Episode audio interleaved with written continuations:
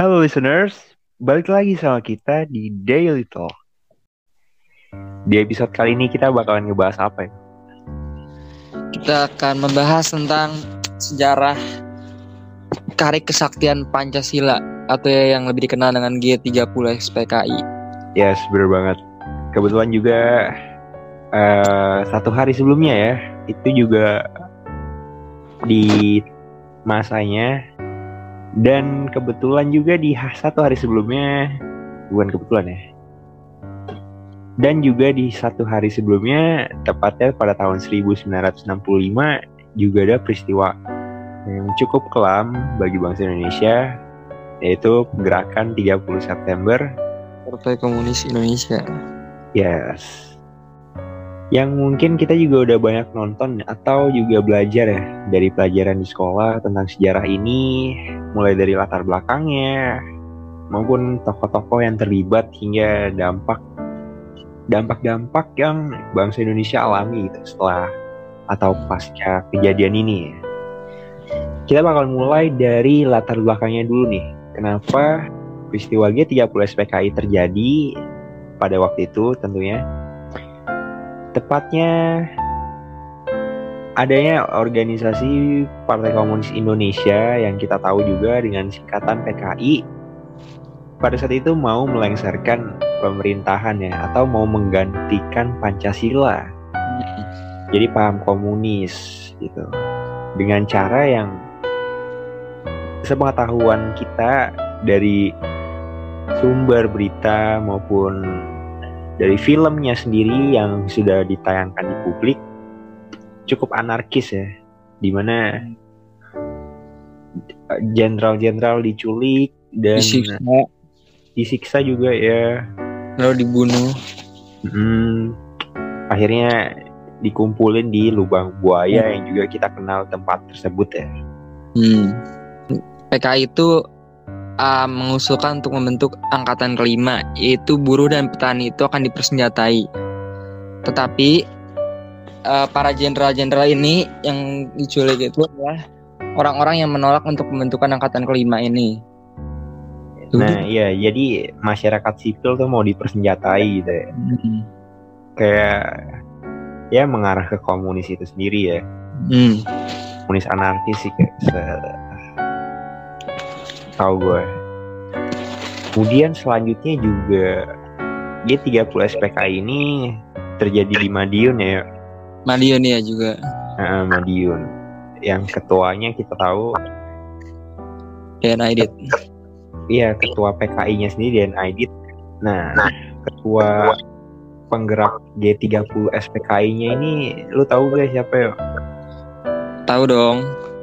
siapa tuh Ketua ini kan, kota uh, gerakannya ketua Nah, ketua gerakannya Kalau Untung, yes let untung ya Letnan Kolonel Untung Sutopo kalau nggak salah.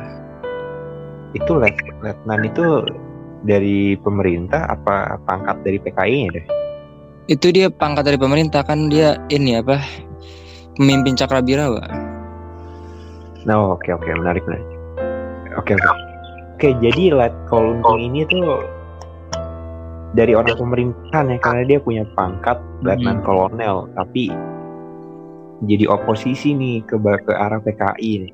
Nah Menurut itu lo bodoh sih kira sih, bodoh. Menurut lo apa apa sih yang bikin dia mau gitu pindah? Eh, mungkin dijanjikan sesuatu kali ya. Dan di saat itu juga kan presiden kita waktu itu zaman Soekarno kan em, suk- agak apa ya kayak tertarik setuju juga dengan komunis kan. Mungkin mungkin itu kali yang membuat dia ikut. Di waktu itu tentunya presiden kita masih Insinyur Soekarno ya. Hmm. Tapi ini diumumkan ke publik ya pada saat itu tuh Soekarno tuh lagi ada masalah kesehatan gitu, ya, lagi sakit, Ya ya ya benar. ya kan? Benar Jadi benar. secara secara kursi kepresidenan tuh kosong gitu kan, nggak ada yang benar-benar menjadi presidennya saat itu loh, karena Presiden Soekarno dirawat gitu kan. Ya benar. hal ini nih yang bikin pro dan kontra juga nih ada desas-desus yang menimbulkan kejadian G30 SPK ini nih karena dari pihak komunitas sendiri tuh sadar nih pemerintahnya lagi goyang gitu kan. Hmm. Kalau dari film ya cukup sadis sih ya yang dilakukan PKI. Tapi menurut lo yang di film tuh beneran gak sih? Kalau yang gue baca dari hasil otopsinya ya itu kayak em, bagian mata dicongkel kan. Nah itu tuh kalau dari hasil otopsinya tuh itu nggak ada sebenarnya. Jadi kayak di film itu dilebih-lebihkan adegan-adegan beberapa tapi ya kurang lebih kayak gitu sih maksudnya.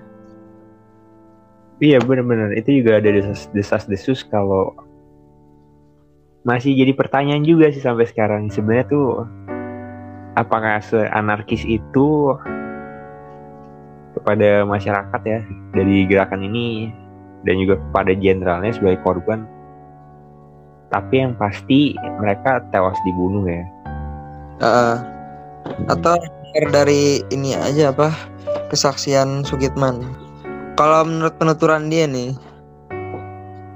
eh, waktu Yes. itu dia kan diculik, terus dia kan dibawa gitu ke kayak tenda atau gitu. Mhm.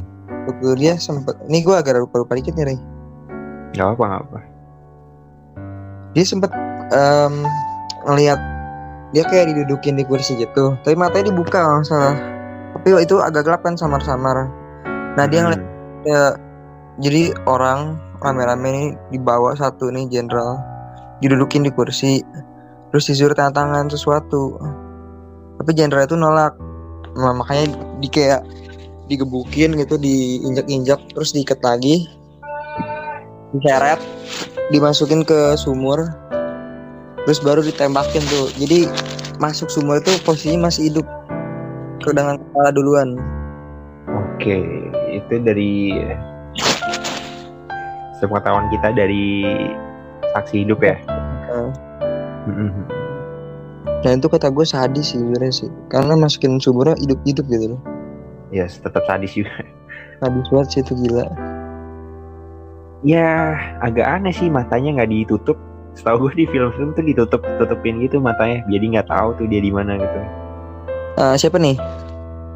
Semua korbannya kan dibawa-bawa matanya ditutup semua kan. Em, dibuka buat nanda tangan doang Habis itu tutup lagi sih Iya nih si Sukitman nih kok bisa lagi Ini ngawain tiba-tiba kebuka. kan dia kan ini apa dia em, malah temenan kan Kayak maksudnya nggak dianggap jahat Dibilang jangan takut Oh, Sa- Jangan takut itu kan satu apa kayak ini Tertindas itu loh salah apa salah tangkap kali ya? Iya salah tangkap sih Maksudnya sekalian sekalian ke bawah di bawah gitu biar nggak dilaporin ya. langsung Cuma lagi lewat Iya ya iya. iya. Nah menarik sih yang penandatanganan dokumen tuh kayaknya penyerahan kekuasaan sih yang menurut gue. Em, Ini opini aja sih. Kalau menurut gue bukan ini ya Eh, tentang isu Dewan Jenderal malu kan disuruh tantangan. Kalau Dewan Jenderal itu ada eh, Ya isunya belum tahu juga ya. di film dan di mana-mana sih itu sih kalau nggak salah ya. Tapi ya itu nggak ada yang tahu sih sampai sekarang. Jadi penandatangannya itu ya bisa buat menyatakan kalau Dewan Jenderal itu beneran ada gitu ya. Eh, melakukan pemberontakan. Oke deh, mungkin kita bisa lanjut ke fakta-fakta Nah, menarik nih yang ada di peristiwa ini. Ada Letjen Ahmad Yani, Maijen R. Suprapto, Maijen Haryono, Maijen S. Parman, ada juga Brigjen DI Panjaitan, Brigjen Sutoyo, dan satu lagi ada Letu Pierre Tandean. Nah, Letu Pierre Tandean ini juga termasuk salah tangkap ya. iya. Jadi dia di, dikira Jenderal Ahana Sution ya. Nah, ya, ini agak lucu sih. Yang nangkep nggak tahu mukanya kayak gimana gitu kan. Cuma disuruh namanya aja. Menurut gue nih cukup aneh ya. Kenapa ya? karena kan bisa berakibat fatal juga ya kalau misalnya kita bukannya mendukung gerakan ini ya tapi kalau strategi-strategi itu kan harus benar-benar jelas gitu kan Hmm. ya cukup menarik sih kenapa tidak sespesifik itu dikasih taunya ya Mungkin juga karena itu kan pagi-pagi ya gelap gitu mungkin nggak terlalu kelihatan muka dan dia ngakunya sebagai Jenderal Nasution mungkin jadi langsung ya udah ya ngaku aja tangkep. ya iya ini Iya. kalau kalau semua ajudannya pada ngaku-ngaku kan ya semuanya bisa salah tangkap gitu Tapi kan ke Iya. kenapa kenapa kan yang lain belum tentu berani. Kalau ini kan berani sendiri. yes yes Mm-mm.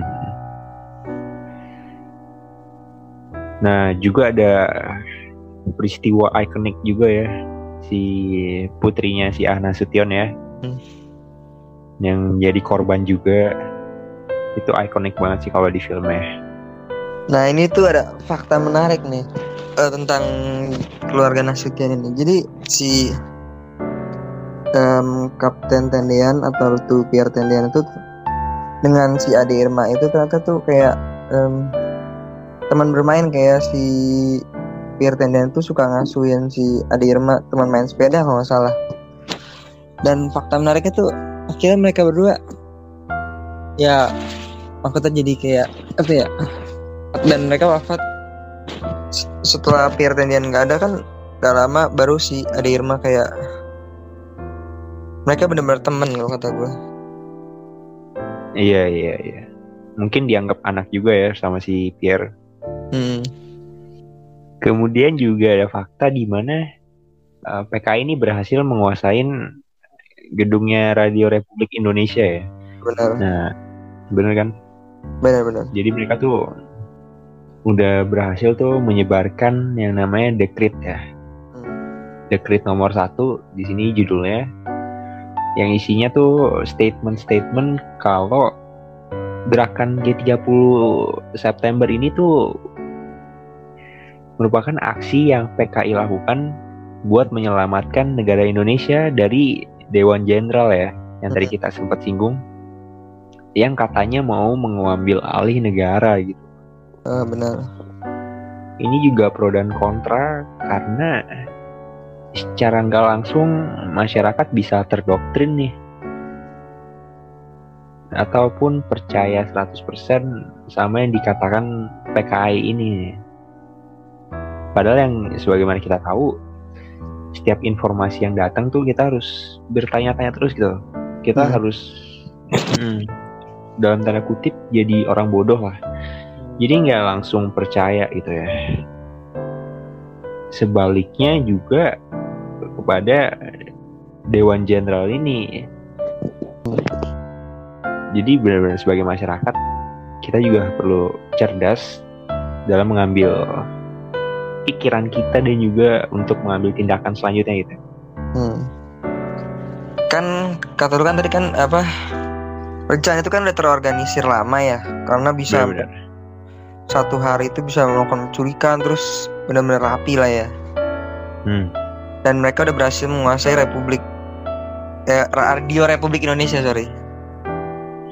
Nah tapi Iya. begitu eh, rencana itu ditolak Presiden Soekarno kan waktu itu kalau nggak salah ditolak kan loh.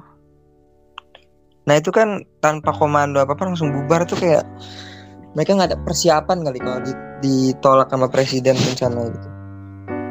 Nah juga kalau balik lagi ke fakta penguasaan gedung Radio Republik Indonesia ini setelah mereka announcement gitu ya ada Hmm. pengumuman gitu ya ke masyarakat karena dulu kan pakainya radio juga ya buat menyebarkan info. Masyarakat nih jadi bingung nih. Loh kok ini siapa nih yang ngomong nih kok? Jadi PKI gitu kan. Hmm. yang ngawasin kita siapa? Maksudnya yang menjaga kita kayak para petinggi ataupun TNI TNI angkatan darat gitu lah ya. Kok nggak ada nggak dijagain gitu kan? Pada nggak tahu nih ke mana nih bagian keamanan di Indonesia lah pokoknya.